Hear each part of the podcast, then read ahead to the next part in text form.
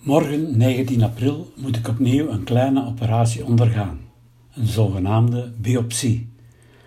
Op drie plaatsen in de stemband wordt een stukje weefsel weggenomen. Dat weefsel wordt dan onderzocht in het labo om te zien of er nog kankercellen aanwezig zijn.